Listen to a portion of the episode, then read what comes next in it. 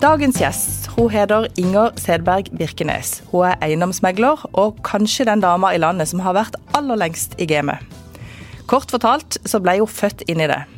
Faren, Gustav Sedberg, drev sitt eget meglerfirma, og en vanlig søndagstur for familien, som for øvrig teller seks søsken, den handla gjerne om å kjøre en tur inn i landet der de skulle se på en eiendom eller to. Det resulterte i at fire av søsknene har gått i farens fotspor. Og tre av de jobber til og med vegg i vegg hos privatmegleren Selberg og Lian, der Inger er partner og megler. Velkommen, Inger. Takk. Du, du fortalte meg at du husker nøyaktig når det var du skjønte at du ville bli eiendomsmegler. Kan ikke du fortelle meg om det? Jo, jeg var ganske heldig for det at når jeg gikk i første videregående, så skulle mine foreldre på sånn verdenskongress i Madrid for eiendomsmeglere i, noe som het, i regi av noe som het Fjapsi. Og der fikk jeg lov å være med. Jeg fikk til og med lov å slippe å gå opp til eksamen eh, det første året. Eller jeg måtte ta det når jeg kom hjem, da. Men da fikk jeg lov å være med det. Og det traff jeg masse eiendomsmeglere fra hele verden. Og jeg syns bare det var så spennende og så gøy at jeg kom tilbake og sa bare nå har jeg bestemt meg hva jeg vil. Jeg vil bli eiendomsmegler.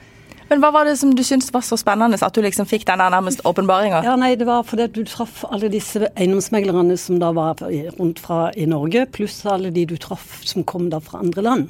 Og det er klart at det var jo veldig spennende. Jeg traff noen av disse som vi fikk være med og spise middag med fra Amerika, og hørte litt hvordan de hadde det. Så nei, jeg syns bare det hørtes veldig spennende ut. Men på den tida der så var det vel ikke så mange andre damer eller sånn som du på en måte kunne identifisere deg med nei. i bransjen? Nei, det var, det var, to, det var en eller to damer som var med da, av de norske. Men eh, nei, så det var ikke så mange. Men det tenkte jeg ikke så mye på at eh, ja. Men, men hvordan ble du tatt imot da, når du kom som ung dame inn Å, i det miljøet? Bra, veldig bra. Det var det. Men det var jo også mange familier den gang som, eh, hvor barna gikk inn og ble eiendomsmeglere som eh, firma som drev eget. Eh, vi hadde et firma oppe i Trondheim, der var dattera med og ble eiendomsmegler, som hun ble veldig gode venner. Og noen andre fra Oslo, hvor det at, og dattera var med, som det at jeg ble gode venner med. Så, så, vi har hatt noen sånn få. Men det har vært veldig få damer tidligere, men der, nå er det jo mange. Men på den tida der så var det sånn, hvis jeg forstår det rett, at, man, at liksom, jobben nesten gikk litt sånn i arv? Altså at folk i familien de ble det samme som foreldrene igjen, da? Ja, det er jo litt sånn som det er i dag òg. Ja. Veldig mange syns det er som eh, vi ser det også i bransjen eh, vår. altså Eiendomsmeglerbransjen er jo veldig mange barn nå som eh, blir eiendomsmegler fordi at en av foreldrene har vært det. Men du, dere var jo seks søsken, og fire ble meglere. Mm. Eh, og jeg vet at dere har et godt forhold, mm. og dere er mye sammen. Kan ikke du prøve å ta med meg inn i en vanlig familiemiddag med fire meglere. Hvordan, hvordan ja, foregår det? Stort sett så er vi Det er ikke så ofte vi bare oss fire, da er det jo gjerne de andre søsknene òg med. Og ektefeller og barn og i det hele tatt. Så det at det har selv med det at vi alle er eiendomsmeglere, så er det ikke mye jobbprat. For ektefellene våre jobber med andre ting. Så men, men hvis du lurer på noe, kan du da Ja ja, men da kan vi spørre, men det gjør du gjerne på jobb. Vi ja. kan gjøre det så mye sånn når vi er samla, da. Nei. Du kan alltid ringe oss og spørre noen om råd hvis det er et eller annet du lurer på, eller. Men du, du var jo den eldste i denne søskenflokken. Tror du det har påvirka deg noe i livet i forhold til jobblivet? Ja, for jeg ble tidlig vant til å måtte ta ansvar hjemme. Eh, det som eh, ja, når det at eh, vi vokste opp, så vi hadde, Jeg var 17 år, og da reiste mine foreldre på en sånn en, annen en meglerkongress. Og jeg sa det med alle ungene og skulle passe dem. Men det er ikke så farlig, for vi vokste opp med tanter og onkler i husene rundt oss. Sånn at det var alltid noen hjemme vi kunne gå og få hjelp hos hvis det var et eller annet. Så derfor så var det liksom greit. Men det å være den eldste, har det gjort at du har måttet ta mer ansvar? Ja ja, du var jo alltid den som måtte ta ansvar hjemme. Eh, sånn, så lenge det at eh, jeg bodde hjemme. Mens eh, mellom meg og den yngste så er det 15 år, så det er jo ikke så lenge jeg var den eldste. Altså jeg har jo vært den eldste, da, men det var ikke så Akkurat når det gjelder henne, så var det mer Vi hadde ikke så mange år sammen hjemme, da. For jeg flytta jo allerede da jeg var 19. Men du, Hvis du skal selge inn bransjen din litt da, som eh, mm. arbeidsplass, altså, hva, hva er det som er spennende og gøy med å være eiendomsmegler? Det som er gøy å være eiendomsmegler, at du møter veldig mye forskjellige folk. Du ser på mange forskjellige eiendommer. Eh, du er liksom borti alt mulig. Men det er spesielt det med alle menneskene du treffer. Har det, har det forandra deg noe gjennom eh, karrieren din? ikke noe mer enn at du er blitt enda mer sosial. Altså, jeg syns jo det er veldig hyggelig å jobbe som eiendomsmegler og det, møte alle disse menneskene. Og det morsomme er jo at det, du kan treffe de samme mange ganger, men det er alltid forskjellige eiendommer de har å selge. Så derfor så blir det òg spennende. Så du kan En dag så kjøper de, en dag så selger de, så kommer det noen år og så skal de kanskje selge igjen og kjøpe noe nytt. Så har du en sånn rundegang, og noen ganger så får du hele familier du har med å gjøre. Så du føler jo at du blir godt kjent med mange. Og det er ja, veldig hyggelig. Ja, for du, du, kommer jo inn i livet til folk mm. i livsfaser mm. som er viktige. Det er de som skal kjøpe bolig første gang. Mm. Eh, det er kanskje de som skal ekspandere fordi de har blitt en mm. større familie. Mm. Og så kommer du kanskje inn igjen i livet til de når de skal selge, eller som du nevnte, kanskje når de har mista en ektefelle og må ha noe annet. Mm. Kan du fortelle litt om det? Ja, altså du må jo liksom forholde deg ut fra i hvilken situasjon de er i. Og det er klart at noen ganger så er det tøft når det at spesielt eh, enten de har mista en ektefelle og må ut og finne seg noe nytt sted å bo, eller en skilsmisse f.eks. De er det jo mange av. Går fra hverandre. Da. Noen ganger så må du være inne og megle når det kan være full krig mellom de, og du skal prøve å få de til å snakke sammen, i hvert fall sånn sammen med oss. Og noen ganger så er ikke det alltid like lett. Men hva gjør du da for å få det til å fungere? Du må prøve å bare si at det, nå må vi konsentrere oss om det vi skal, det å selge, og så ikke sitte her og krangle. Det er ikke nødvendig at det skal skje når det er der. Men blir du litt sånn streng, da? Ja, jeg gjør nok det. Du må sette deg litt i førersetet og si at sånn ønsker du å ha det. Så i noen situasjoner så blir du streng og tar litt sånn regien, men i andre situasjoner så må du kanskje være mer eh, medfølende og ha mer ja, ja. omsorg? Mange ganger så må du sitte og Men det er viktig å lytte og høre hva de har å fortelle, og hva du kan hjelpe dem med. Og det er mange som har sittet og grått sine tårer. og så det, det, gjør noe med det også at du får lov å ta del i det. At noen syns det er greit å få tømt seg litt. For jeg kommer gjerne som en utenforstående. Og da er du ikke så nær, og da er det lettere å tømme seg. Ja, for du er en nøytral part når du kommer inn der. Mm. Mm. Hender det du blir litt sånn oppgitt over hvordan folk holder på? ja, det hender. Det gjør det. Og da er det kanskje ok å ha søsken og familie som forstår bransjen, mm. så dere kan diskutere litt og kanskje be om litt råd og tømme ja, det litt hos hverandre? Hvis det kan være litt sånn spesielle ting, så kan det være det. Mm. Du, så vet jeg at Noe av det du jobber med, det er tvangssalg. Mm. Og så tenker jeg det er jo uh, det er jo spesielt. Det er ikke mm. så gøy, vil jeg tro, som det å kjøpe sin egen bolig, f.eks. Så um, hvordan er det å jobbe med det? Det syns jeg faktisk er utrolig interessant, og det har jeg gjort helt siden loven kom i 92. Eh, og jeg jobber først i Oslo med det, og så jobber jeg når jeg kom til Kristiansand. Eh, så fikk jeg også fortsette med det. Og nå er det sånn at i tingretten så er du, har de fire personlig oppnevnte medhjelpere, som det heter. Du er, ikke, altså du er eiendomsmegler, men du er også en medhjelper for tingretten, altså tingrettens forlengede arm. Vi, og da er vi sånn eh, oppnevnt av tingretten, så det er ikke sånn at jeg kan bare sette bort til en av de andre og si at nå kan du ta det oppdraget. Jeg må ta det sjøl. Jeg må ha full styring på alt. Eh, og det jeg syns er utrolig interessant. Eh, noen ganger så kan det være tøft, for noen er jo ordentlig sinna. De kan frese og skjelle deg ut, for de skal bare ikke selge. og ordentlig uspiselige, eh, mens andre er helt nede for telling. Og da i hvert fall de du kan hjelpe. Jeg syns alltid en må prøve å se om en kan hjelpe folk til å beholde huset hvis de har muligheten til det. Men noen ganger så ser vi det går ikke, og da må du faktisk eh, prøve å gjøre det beste for de og få solgt og til en best mulig pris, og hjelpe de gjerne litt videre. Men kommer du litt inn på, de rent sånn, på det personlige planet, ja. eller er du helt ja. formell? Nei? Nei, det kommer du, blir du ofte veldig Det viktigste når du kommer, er å prøve å skape tillit det er at en får en god dialog, for da går alt veldig mye lettere. Men du sa da vi hadde en prat i forkant at du noen ganger til og med må sitte og åpne konvolutter og ja, gå gjennom masse post altså og regninger. For å hjelpe dem, for dette, mange av de, de, har ikke, de stikker huet i sanden akkurat som strutsen og så tror det skal gå over, det går ikke over.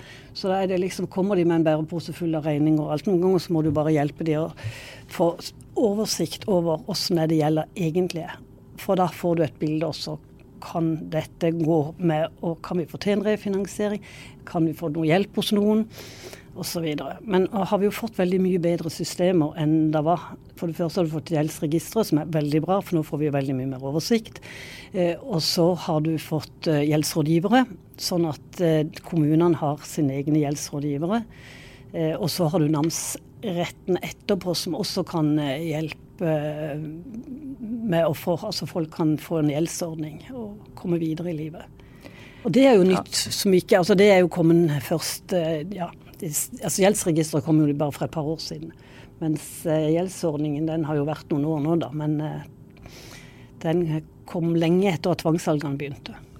Er det sånn at det har vært en økning i den type salg, eller er det på, omtrent på, på det jevne? Det har vært nokså på det jevne gjennom mange år. Du, hvis du på en måte skal velge dine favorittarbeidsoppgaver, hvilke type salg er det du syns er aller gøyest? Og det varierer veldig. Nei, jeg synes det, Tvangssalg syns jeg er veldig interessant. Jeg liker godt å jobbe med det. Eh, og så er det klart at det er jo alltid gøy med noen flotte eiendommer som det, at, eh, det er stor interesse for. Det syns jeg òg er gøy. Så, og det eh, Og du må ha litt blanding. Jeg kan ikke bare jobbe med tvangssalg, for det, det er mye, da er det mye problemer. Eh, så du må ha noen av de lyse eiendommene også, disse fine inneboligene eller fine leilighetene som du kan selge og som går fort unna. Ja, det er veldig gøy når det er at du klarer å få solgt til en god pris. Hender det at du får lyst på eiendommen sjøl, som du ja, ja, jobber med? Mange ganger. Men da blir jeg litt nysgjerrig. Har du flytta mange ganger sjøl? Nei.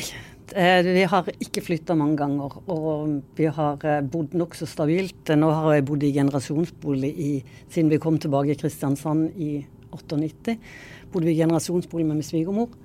Eh, men hun er gått borte. Altså, men på de, de, siste årene så kunne hun ikke bo hjemme lenger, så da gjorde vi om huset til en enebolig. Men dette er sånn familiebolig. Men hvordan var det å bo i generasjonsbolig? Det var veldig fint. Jeg hadde en veldig skjønn svigermor som ikke blanda seg opp i noe. Og, ja. Og så vet jeg at den første boligen du hadde, den var i Oslo. Og du flytta ganske tidlig sammen med mannen din. Og det var ikke helt sånn uproblematisk på den tida? Nei, det, altså det som skjedde var at jeg hadde vært i England og så kom hjem. Og så fant vi ut at vi skulle flytte til Oslo. Jeg fikk jobb på et meglerkontor. Og så Vi var ikke mer enn eh, vi var ikke fylt, 19, nei, fylt 20 engang, og det var 20 år av myndighetsalderen. Så vi flytta til Oslo, og jeg var heldig på, hos han jeg skulle jobbe hos. Der fikk jeg leie en leilighet på Majorstua. Eh, og der flytta vi inn. og jeg tørte turte ikke gå hjem og fortelle at vi hadde flytta sammen uten å ha gifta oss. Så, og det var ikke populært hjemme. Var han streng, faren din? Ja, han sa bare at han nekta å komme på besøk før vi hadde gifta oss. Men det var bare, med, det var bare meg, for jeg var før eldste da. Det var ikke sånn med de andre som også har bodd sammen før de gifta seg. Så du må liksom, måtte brøyte veien ja. litt der? Men uh, så gifta vi oss et par år, så Og det var sånn litt morsomt. Vi fikk leilighet på Majorstua, og det var sånn, jeg syns var veldig stas. Tre rom og kjøkken, uh, men do på gang og ikke noe bad. Så da hadde vi ordna oss med stor dusja i ei balje på kjøkkenet, så, men var superfornøyd. Det var jo fantastisk. 19 år gammel. Og, ja. Men var du spesielt selvstendig, tenker du, som 19-åring? Ja, men det har jeg, har jeg i grunnen alltid vært veldig selvstendig. Ja, og så vet jeg at du har jo jobba flere ulike steder, ikke bare her i Kristiansand. Du har ja. hatt utenlandsopphold også. Kan ikke du si litt om hva du har gjort? Først så Etter videregående så var jeg hos, i England på et meglerkontor, bare for å se hvordan de drev eiendomsmegling der. Eh, og jeg skulle egentlig vært der helt frem til sommeren, men så lengta jeg så hjem, for jeg var jo kjæreste med mannen min. Og, ja, så da ble det til at jeg reiste hjem istedenfor. Og da ble jeg flytta til Oslo. Eh, og så jobba jeg der inne i tre og et halvt år, og så flytta vi hjem. Eh, og da begynte jeg på kontoret her i Kristiansand. Og så var vi der i seks år, og så fikk Odd, mannen min, da jobb i Oslo. Og da var det snakk om at jeg skulle jobbe hos en megler, men så kommer min far og Åse, søstera mi, og sier at nei, jeg skal ikke heller starte kontoret i Oslo. Og jo, frem og tilbake, så var det OK, da. Det gjør vi. Så vi to jentene, altså Åse var 24, jeg var 29 år, vi dro til Oslo og starta helt fra scratch på meglerkontor på Bislett. Og jeg må jo si jeg syns vi var ganske tøffe, da. Hvilket år var dette? Dette var i 86. Ja. Så, og da var det kun ett kontor på Bislett som drev med eiendomsmegling. Når vi dro derfra seinere, så var da 13 firmaer. Så det var veldig stor forskjell. Men hvordan ble dere to tatt imot, da? Det, vi ble egentlig veldig godt tatt imot. For det, at det var litt spesielt det med to jenter som starta for seg sjøl. Det var ikke veldig mange av oss. Og så var vi jo et godt etablert firma i Kristiansand. Altså Sedberg var kjent. Sånn at vi fikk faktisk eh, veldig mye oppdrag fra sørlendingene. Ja. Og så fikk vi også mye landsteder, for da kunne de få det presentert i både Oslo og i Kristiansand. Altså begge steder. Sånn at eh, det, det var faktisk veldig vellykka. For dette var jo før internett. Du hadde jo ikke noe sånn Så da var det bare gamle avisannonser altså sånn som vi hadde før. Det var ikke noe annet vi hadde. Men du, du kommer jo fra en familie av meglere, og du har et navn som alle forbinder med eiendomsmegling. Eh, kan du gå noe sted uten at folk liksom vil snakke med deg om bolig, eller vise fram noe? Eller? Men det er klart at en får jo ofte mye spørsmål, men det syns jeg er helt greit. Men det er fordi jeg er veldig glad i jobben min. Så Men du ble ikke i Oslo? Nei, så eh, i 98 så måtte vi ta et valg. Min svigerfar var død. Eh, og min svigermor satt alene der nede, alle barna i Oslo. Og da eh, ble det til at eh, vi måtte ta et valg. En, og så skulle vi ha generasjonsskifte i firmaet. Og da ville pappa ville veldig gjerne at vi skulle komme hjem, så jeg kunne gå inn som daglig leder. Eh, og så var det vi måtte ta et valg, og så hva gjør vi nå? Med hensyn til huset etter min svigermor. For det at den fine eiendommen som ligger langs elva. Så det var liksom ikke bare la han gå ut av familien, hun kunne ikke bo der alene. Så da valgte vi at OK, vi flytter til Kristiansand. Så nei, det gjorde vi. Men det med å være i en familiebedrift, på godt og vondt, mm. kan du si litt om hvordan det er? Ja, altså Det har vært helt supert. Og det må jeg jo si når vi jobber i Oslo f.eks., som er hadde Sand, hun flytter hjem i 91 mens jeg var igjen da. Men eh, så fikk jo jeg noen barn, og, så da var det jo eh, da kom alle inn og har gått og hjulpet hverandre, altså fra Kristiansand og Oslo. Vi har gått litt sånn mellom firmaene og så hjulpet, sånn at vi har fått alt til å gå. Og Det er det som er fint, at vi har tatt mange som kunne hjelpe hverandre. Men kan du ha en medarbeidersamtale liksom, med din bror Nei, eller din søster? Det har vi ikke. Nei, det har ikke det. Nei, vi har liksom vært eier, vi er styrer og alt sånn. Så nå, men nå er det jo litt annerledes, for nå er vi jo liksom eh, ikke bare oss søsken lenger. For nå er vi jo gått inn i et nytt firma. Men du, du har jo fått til mye, og som vi snakka om, du har et kjent navn. Eh, men det er jo ikke sånn at allting har gått på skinner bestandig. Um, nei. Vil du si litt om noe av det som kanskje har vært vanskeligst å stå i som uh, megler i, i, Kristiansand? Ja, jeg kan jo først bare sånn For jeg må jo si når vi flytta tilbake til Kristiansand, så var det ganske tøft. For det at uh, da hadde den eldste dattera mi der var hun akkurat ferdig med ungdomsskolen og skulle flytte til Kristiansand. Og hun var hysterisk. Hun bare, hun skulle ikke flytte og ødela hele livet sitt, og det var ikke måte på. Og det var tøft altså å flytte med en uh, tenåring til Kristiansand hvor ikke hun hadde noen Hun hadde ei hun kjente, og det var alt. Ikke noe nettverk, og skulle bygge det opp. Men hvordan argumenterte du overfor henne for at det var, riktig? Måtte vi, bare, vi måtte ta et valg, og det var ikke bare hun vi kunne ta hensyn til. Vi måtte ta hensyn til hele familien. Så da ble det til at vi gjorde det. Men det gikk veldig greit, altså. Hun har kommet senere og takker for at vi gjorde det, for hun fikk faktisk det veldig greit de, årene hun var i Kristiansand. Men det var jo ikke mer enn hun var ferdig på videregående, så var det rett tilbake til Oslo. Ja, det var det, ja. ja, ja så hun har ikke kommet hjem siden, og kommer nok aldri hjem heller. Og dine barn har heller ikke valgt å bli meglere? Eh, hun ene begynte på meglerstudiet, men fant ut etter en måned at nei, det var ikke noe for henne. Og de andre to har ikke ønska det. Men de har jo også sett mye av hvordan det, um, ja, ja. De, den karrieren er, ikke sant? For de har vært med på mye, de òg? De har vært med på mye. De har blitt dratt rundt hver gang vi kjørte mellom Kristiansand og Oslo, så måtte jeg alltid inn og se på et eller annet, stort sett. Og når de var små, så var det De måtte være med oss og sitte i bilen og vente mens jeg var inne og hadde visning. og var inne og så på befaringer, og, og, fremdeles er det sånn. Så han mannen min han er veldig tålmodig, så han sitter i bilen og leser ei bok han mens jeg er inne og ser på eiendommer og sånn. Det der kan jeg kjenne igjen fra mitt journalistliv. Mine barn har òg blitt dratt med på mange, på mange jobber og reportasjer, og, mm. og, de blir flinke til å kjenne igjen en god sak, mm. de òg. Ja, ja, ja. Så jeg tenker at det, det er godt å lære litt eh, hva foreldrene jobber med, og se hvordan det fungerer i det daglige liv. Men det, det, er klart det har ja. vært veldig mye jobbing. Det må jeg jo si. Det er ikke noen 9-4-jobb dette, altså. Nei, men hvordan har du fått det til å gå opp, da? Det med å ha en uh, veldig fin familie hvor det at vi alle har hjulpet hverandre. Og det ja. har vært altså vi har hatt uh, Når barna gikk på skolen, så bytta vi på å gå hjem hos hverandre, og de var mamma og pappa trådde til. og de siste årene mens mamma enda levde og bodde hjemme, så hadde hun, var de to minste hos meg. Da var de hos henne hver torsdag når jeg pleide ha var de hos henne og spiste middag, så da fikk de mormormiddag. Var veldig fornøyd med det. Og så hadde de veldig god kontakt. da. Så det å være en tett familie, det har både vært en, en hjelp og en inspirasjon, skjønner jeg da, gjennom hele ditt arbeidsliv? Ja, ja, ja. Og det samme når vi bodde da med min svigermor også. Da visste jeg hun hadde noen i huset vi kunne, kunne hjelpe litt til. Så nei, det har egentlig vært kjempefint. Mm. Så, men vi vokste litt opp sånn når vi var små også, fordi at eh, vi bodde, hadde besteforeldre i ett hus, og så tante og onkler i et andre hus rundt forbi. Sånn at det var altså samme, på samme, ut fra samme eiendom, da. Så i nabohusene. Så vi vokste opp på mange måneder som en stor familie. Og var jo mange, så har det blitt litt sånn seinere også, for at de, mine søsken, flere de bor i hvert sitt hus nå. I de, de husene etter besteforeldre, og så har de fått bygd ut på eiendommen også. Så det å bo tett, det har vært viktig? Ja. Mm. Det, og det har jeg sett. Altså storfamilien. Veldig, veldig bra. Så det er jo ofte derfor en har fått det til å gå rundt. Mm. Men du har også hatt en annen type utfordring, eh, og det forberedte jeg deg litt på at jeg kom til å spørre om. Og, og det handler jo om en eh, gang hvor du kom i en situasjon der eh, du rett og slett gjorde en feil. Som du, og du måtte stå litt i den situasjonen etterpå. Kan ikke du fortelle det om det? Det var, jeg hadde en eiendom eh, ute i Søgne som jeg hadde hatt for salg veldig lenge. og eh, de ville ikke selge den til den prisen, og så ringer de tilbake og så spør om ikke jeg kan ta, og, ta kontakt med budgiver. Og gjøre det, og så Nei, han ville ikke på det, men han kom med et nytt bud. Og det, min dumme meg, ringte ikke til en interessent som hadde meldt seg som interessent. Han hadde aldri vært og sett på han eller noe, men han, han hadde bare meldt seg som interessent. Og så tok jeg ikke den telefonen.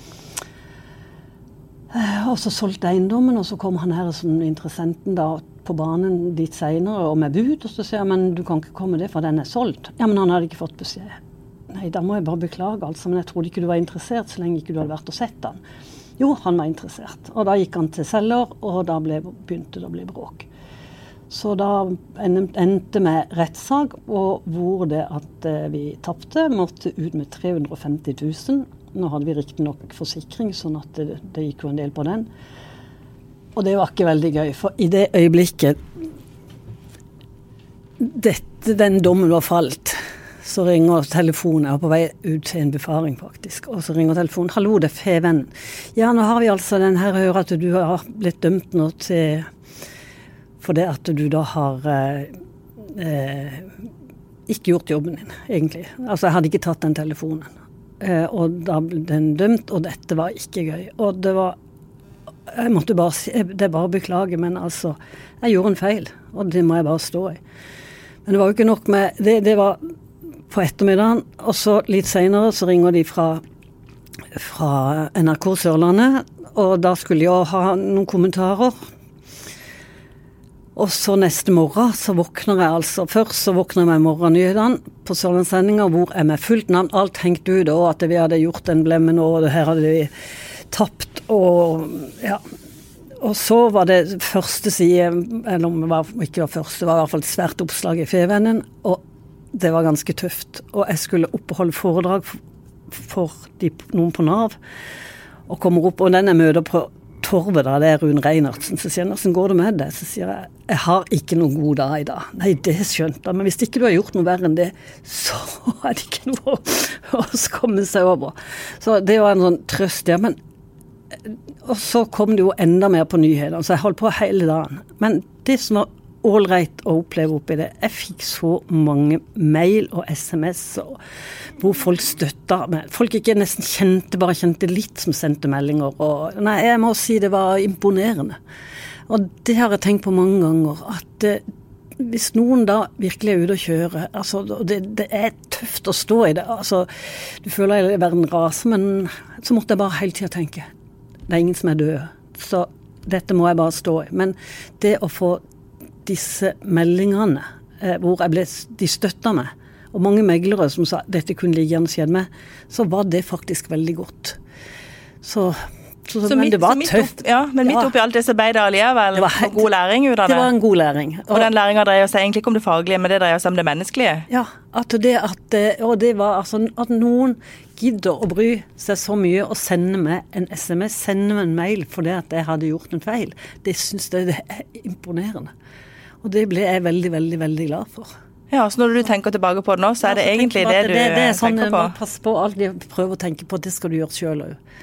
Hvis du ser noen stå har det tøft. Ja. som du kjenner. ja. Så det å støtte og sende en melding om at eh, vi forstår det, og vi forstår at det er vanskelig, det hjelper. Mm, veldig. Men du var jo eh, Du valgte jo å være åpen i den prosessen, og du valgte jo på en måte å stå i det. Ja. Eh, Kan du si litt om hvilke tanker som gikk gjennom hodet ditt der når du gjorde de vurderingene midt i, altså når telefonen ringte fra media, når du skjønte at ok, men her blir du holdt ansvarlig.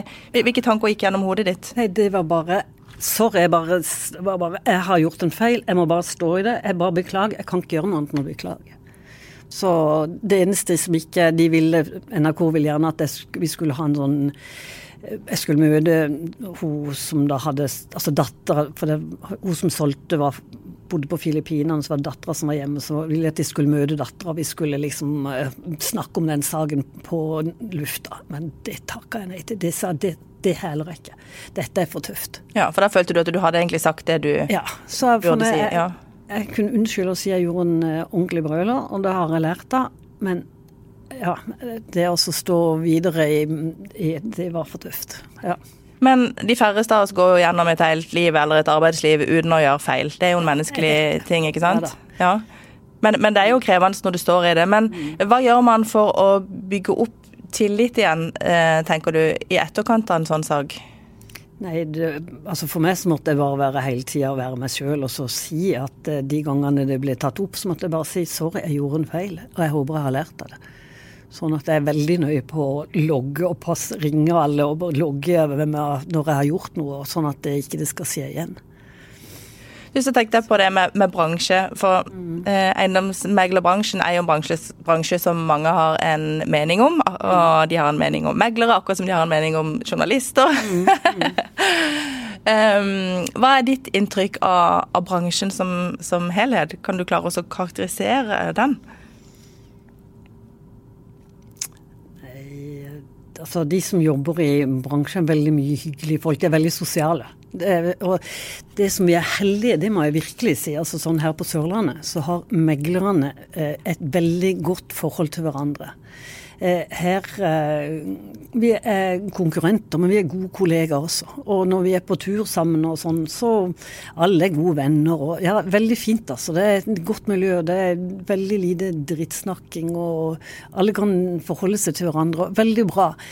Og det har vært helt unikt her på Sørlandet, for vi hører andre steder i landet hvor ikke de kan snakke sammen engang, nesten de som er konkurrenter.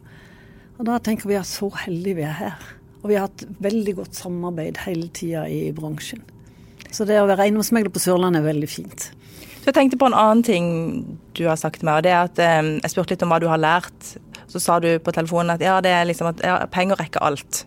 Kan du si litt om hva du, hva du la i det? For jeg tenker jo at i meglerbransjen så er vel penger ganske mye. For der får vel provisjon av salg, Ja, og det koster mye å selge bolig, mye å kjøpe bolig. Det, er et- jeg syns mange ganger at det, det, du kan Altså noen ringer og ber om eh, et råd eller noe sånt, så for all del, da syns jeg kan du ikke gi det rådet uten at du skal ta deg betalt for det. Altså Kan du hjelpe noen, så er det fint, så kanskje de kommer tilbake en annen gang.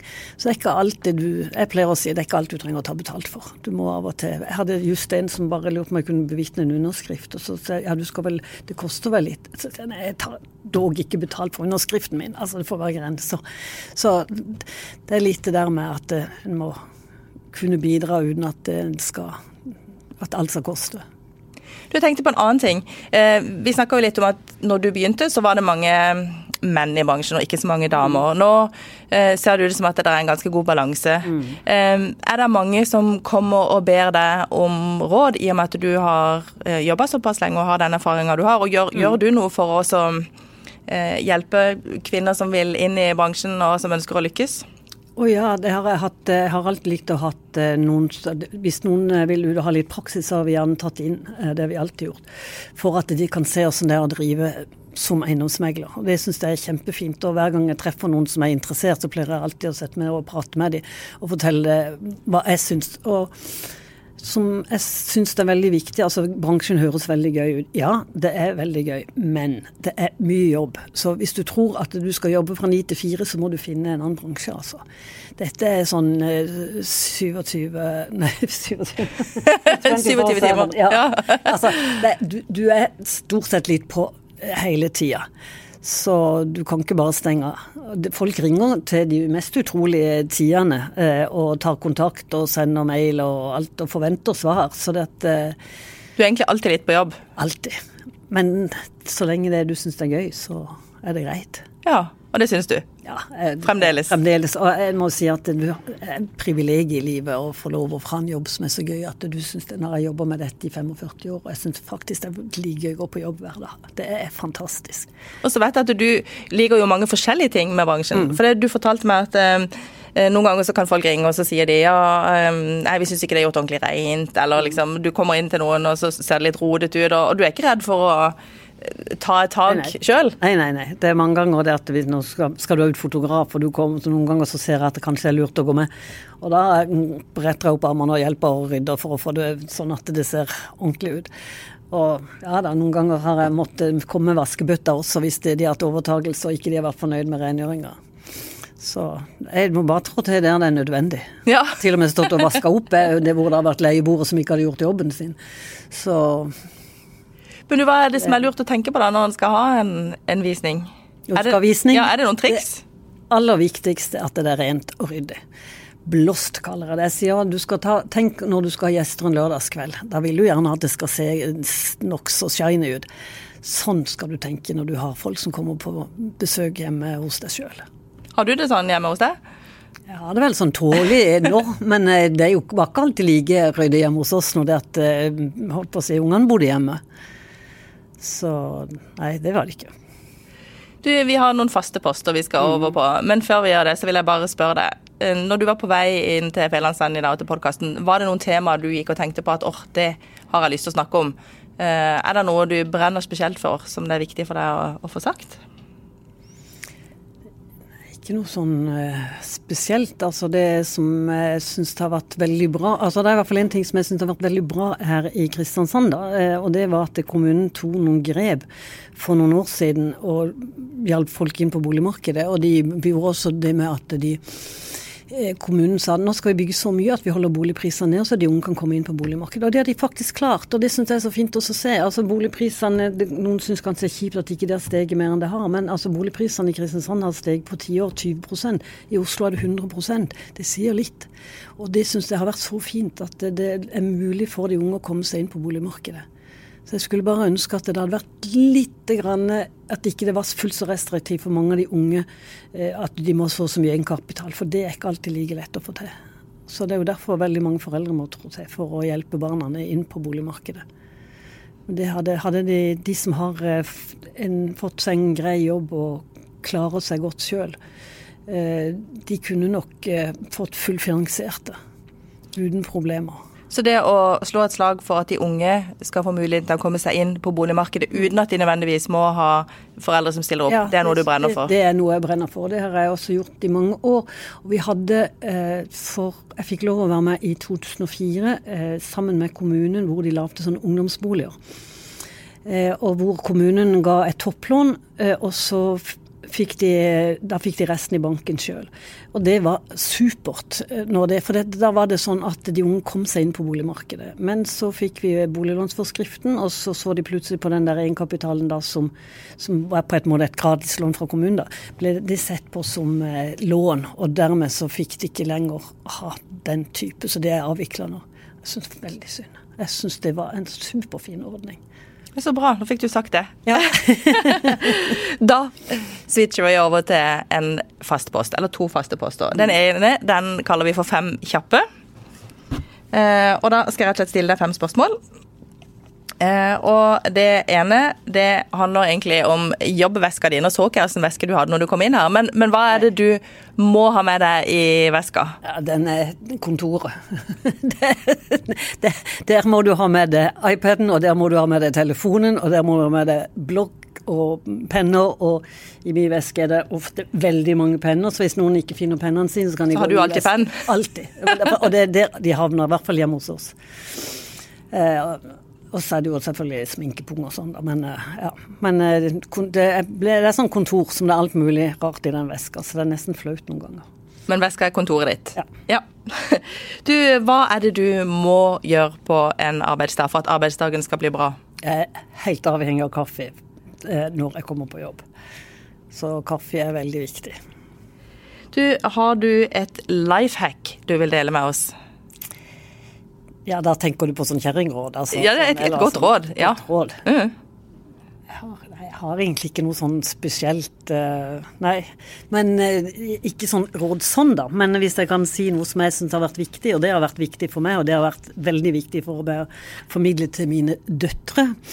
Og det er den der stupedama som sier uh, 'den som intet våger, intet vinner'. Den syns jeg har vært så viktig.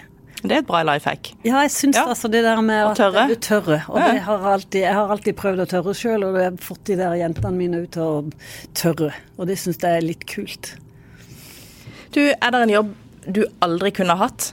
Ja. Jeg kunne aldri vært kirurg.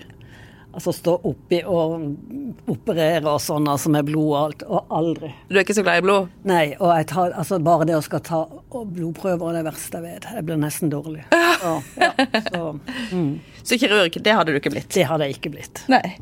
Du, eh, jeg vet ikke hva du leser, eller om du leser noe annet enn boligprospekt, men eh, hva var det siste du leste som gjorde inntrykk på deg? Eller hørte på? Jeg har lest masse forskjellig. Den siste boka jeg leste, det var den siste Gaute Heivold om den eh, fra Ravndalen? oppe i Ravndalen, og det syns jeg var sterkt. altså. Jeg kunne ikke huske det fra min egen oppvekst, men jeg har en venninne som lånte boka, altså, hun husker alt. Så det at eh, Ja, nei, det syns jeg var Det var en tøff bok eh, og en tøff uh, historie, altså. Ja, det er en spesiell sak. Jeg har ikke lest boka, men vi jobba mye med den uh, ja. saken i sommer, der vi intervjua noen av de pårørende. Ja. Mm.